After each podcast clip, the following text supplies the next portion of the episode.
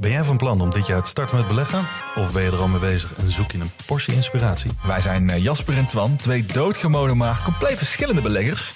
En iedere donderdag vertellen wij in onze podcast de lange termijn over onze beleggingsreis, onze lessen en met name onze fouten. En dat allemaal op een uh, vermakelijke en een langdrempelige manier. Alsof je met ons in een kroeg staat. Met een whiskytje erbij. Lekker. Dus luister eens naar onze podcast De Lange Termijn.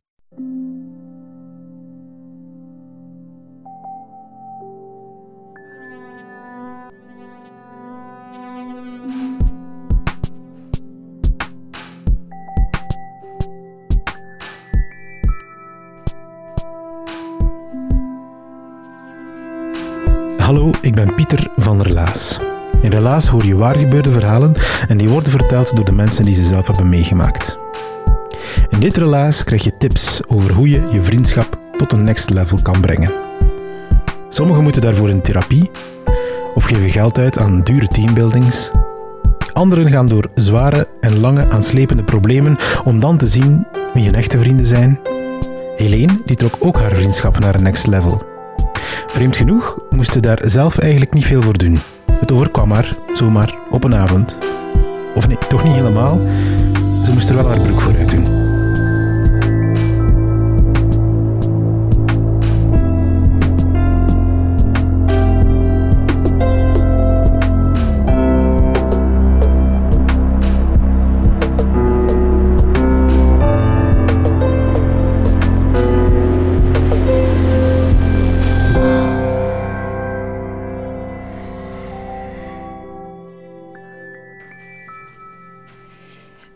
...15 oktober 2016. Dat was een zaterdag. Uh, ik weet het nog heel goed. Dat was een zaterdag waarop ik moest werken. En ik had ook al maandag, dinsdag, woensdag, donderdag, vrijdag moeten werken. Dus een heel drukke werkweek. Ik was enorm moe.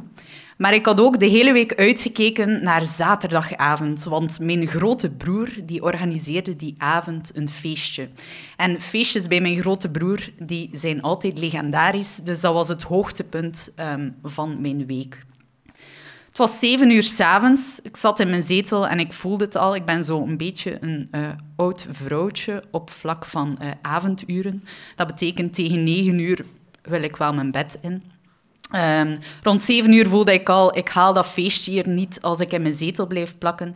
En gelukkig, een vriendin van mij, Lien, stuurde mij een berichtje. Helene, zin om iets te gaan drinken. Ik vond dat een topidee, we hadden elkaar ook even niet gezien. Ik trosseerde de kou en ik had heel veel zin in de avond. Eerst wat bijkletsen met een van mijn beste vriendinnen. En daarna um, helemaal zot gaan doen op een feestje van mijn grote broer. Ik wist toen nog niet dat de avond helemaal anders ging uitdraaien. Ik kom toe op café en Lien en ik beginnen onmiddellijk over koetjes en kalfjes te babbelen. En de barman uh, komt naar ons en die vraagt wat moet je drinken. En uh, Lien die bestelt een witte martini en ik ga voor een opwekkende, verwarmende muntthee. Ook daar heb je weer mijn uh, oude vrouwtjes gehalte. Sorry voor de oude vrouwtjes. Um, we babbelen verder en uh, de baarman komt met onze drank naar onze tafel. En die is een beetje vergeten wie die witte martini had besteld en wie die warme muntthee had besteld. En die vraagt dat en Lien zegt, voor mij is een martini. En die wil die martini geven aan Lien, maar die ziet precies die muntthee niet staan en die stoot die om.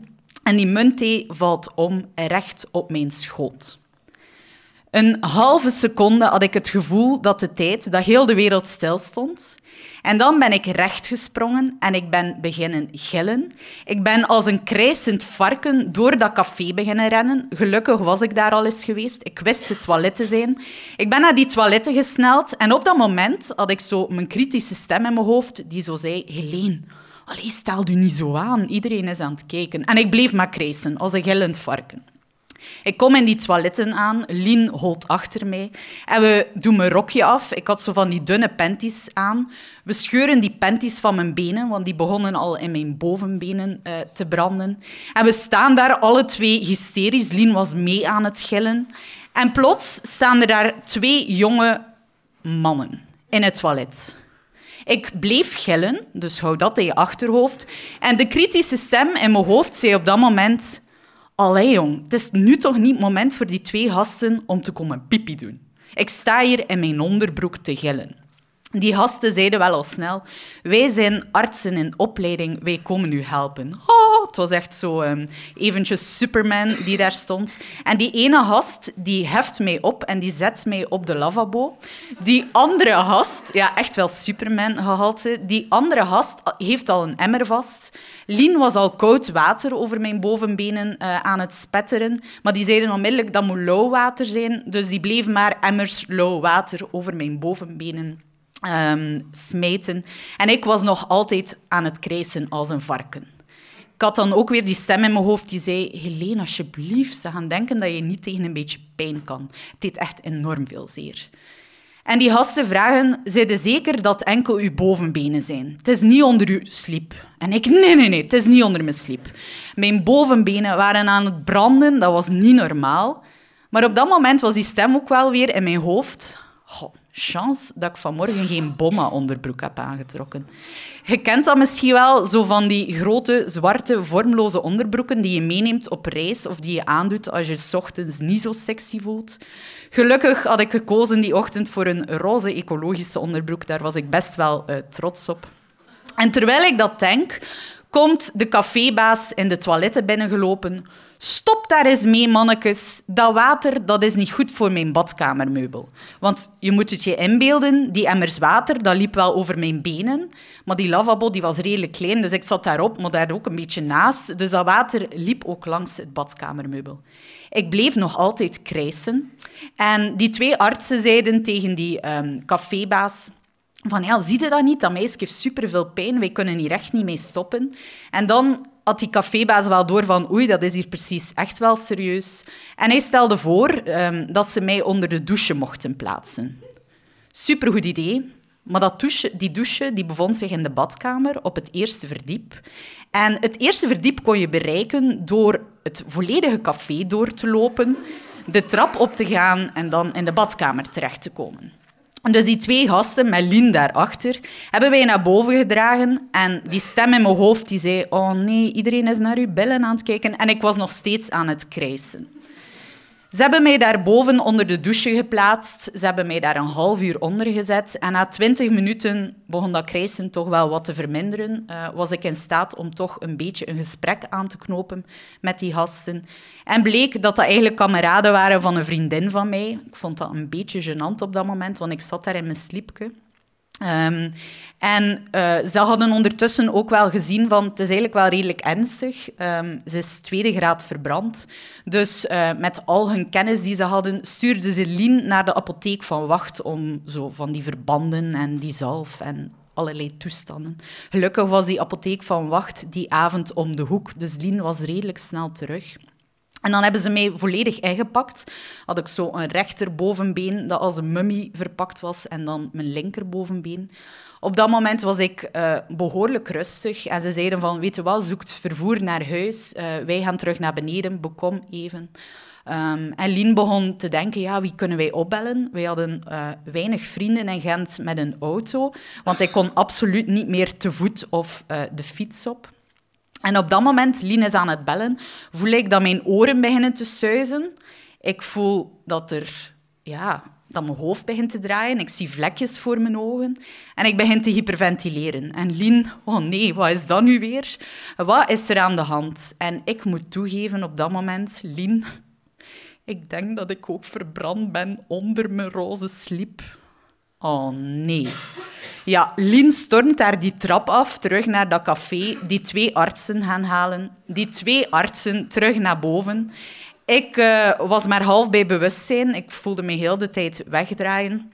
Dus die namen een kijkje onder mijn sliep en dan had je weer die stem in mijn hoofd. Oh nee, op één avond je broek afdoen voor twee mannen tegelijk. Ah.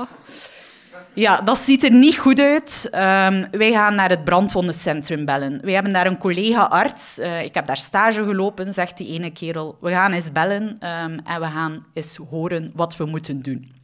Dus die is aan de telefoon. Lien is mij ondertussen zo wat aan het kalmeren, wat niet lukt, want ik had enorm veel pijn. En ze leggen de telefoon neer en ze zeggen: Oké, we weten wat we moeten doen. Alleen bijna toch. Hij wil eigenlijk kunnen weten hoe het er precies uitziet, we moeten foto's maken. ik was zo blij op dat moment dat ik maar half bij bewustzijn was. Want die zijn dus foto's beginnen maken. Super gênant. Die kritische stem op dat moment was zelfs weg. Ik dacht, ik trek het me niet meer aan, doe maar. Uh, die pijn moet weg. Dan heeft die arts op basis van de foto's um, gezegd wat ze moesten doen. Lien terug naar die apotheek. Lien terug, mij helemaal verzocht. En dan uiteindelijk had Lien ook haar broer kunnen bereiken, die met de auto ons kwam halen. Natuurlijk, de auto, dat was aan de straatkant. En ik zat nog in de badkamer op het eerste verdiep. Ik kon mijn rokje en mijn kapotte panties niet opnieuw aandoen.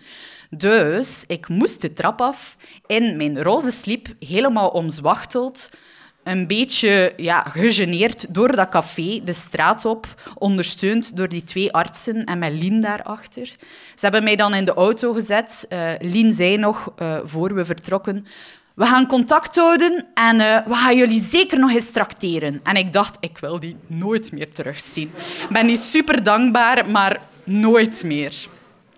Eenmaal thuis heb ik het dan plots enorm, enorm koud gekregen. En Lien heeft me dan toegedekt met alle donsdekens dat ze in mijn huis kon vinden.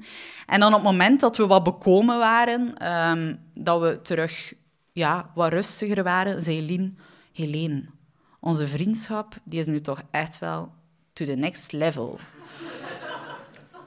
Daarna ben ik, uh, ja, heb ik wat afgezien, maar ik ben blijven werken. Wat betekende dat? Dat betekende op mijn fiets rechtstaand, want ik kon niet zitten door al die zwachtels en de pijn, ging ik naar het station en dan als ik de trein afstapte, ik stond recht op de trein, want ik kon niet zitten. Als ik de trein afstapte, fietste ik ook rechtstaand naar scholen waar ik vorming gaf. Ik kwam toe in elitescholen met mijn oude joggingbroek aan. Um, als mijn collega's me na dat weekend vroegen, wat is er met jou gebeurd? Heb je plots zo'n ja, outfit change of zo gedaan, moest ik toegeven dat ik op één avond mijn broek had afgestekt voor twee onbekende mannen en een van mijn beste vriendinnen tegelijk. Um, ik moest om de twee uur de zwachtels vervangen. En op toilet op je werk is dat niet zo handig als je dat in je eentje moest doen. Maar daar denk ik nu niet meer zoveel aan. Wat ik wel onmiddellijk heb gedaan na dat voorval, is eigenlijk al mijn oude bommabroeken achteraan in mijn kast gelegd. En mezelf de belofte gemaakt dat ik die enkel nog mocht meenemen op reis. En iedere ochtend denk ik nu, kies maar een mooie onderbroek, want je weet nooit wat er die dag gaat gebeuren.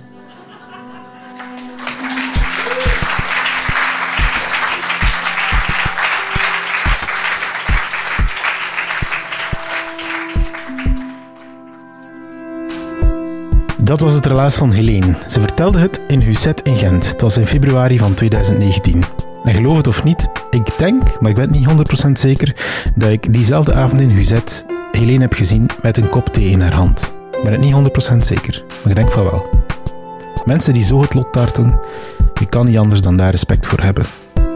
En het kan ook niet anders dan dat jij ook zo'n vriendschap hebt. Die op een bepaald moment naar een next level gaat omdat er iets bijzonders gebeurt. Wil je daarover komen vertellen? Dan kan dat.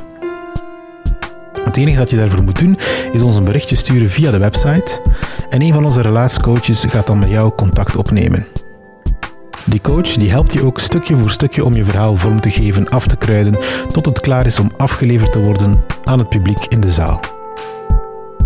En je hebt er dan ook meteen een nieuwe vriend bij, want zo'n relaascoach dat wordt echt wel jouw buddy. De mooiste vriendengroep van allemaal bestaat natuurlijk uit Marlin Michels, Rick Merci, Evita Nocent, Katlijn de Vries, Charlotte Huigen, Lint Somers, Sarah de Smet, Sarah Latré, Silke Durie, Tessa Amelink, Lisbeth Danink, Ruby Bernabeu Plaus, Jurgen Strooband, Dieter van Huffel, Egwin Gontier, Stefan Grijaert, Steve Konaar, Anneleen Schelstraten, Philip Cox, Timon van de Voorde en ikzelf ben Pieter Blomme. En ook bedankt aan onze steunpilaren Stad Gent en de Vlaamse gemeenschap. Bedankt partners Urgent FM, Den Hopzak, Chase Creative, Pulp Deluxe en Huzet. En bedankt jij, jij bedankt. Stuur dit verhaal door naar jouw beste vriend via Facebook of zo, via, of via een mailtje. En zet in die mail hoe kunnen wij onze vriendschap naar een next level brengen zonder dat ik mijn onderbroek moet uitdoen. En mail ons het antwoord. Ik lees ze voor in de volgende podcast, dat beloof ik. En sla de raad van Helene niet in de wind. Als je morgen opstaat en snel, snel, snel moet kiezen welke onderbroek je aandoet, Bedenk dan, er kan van alles gebeuren.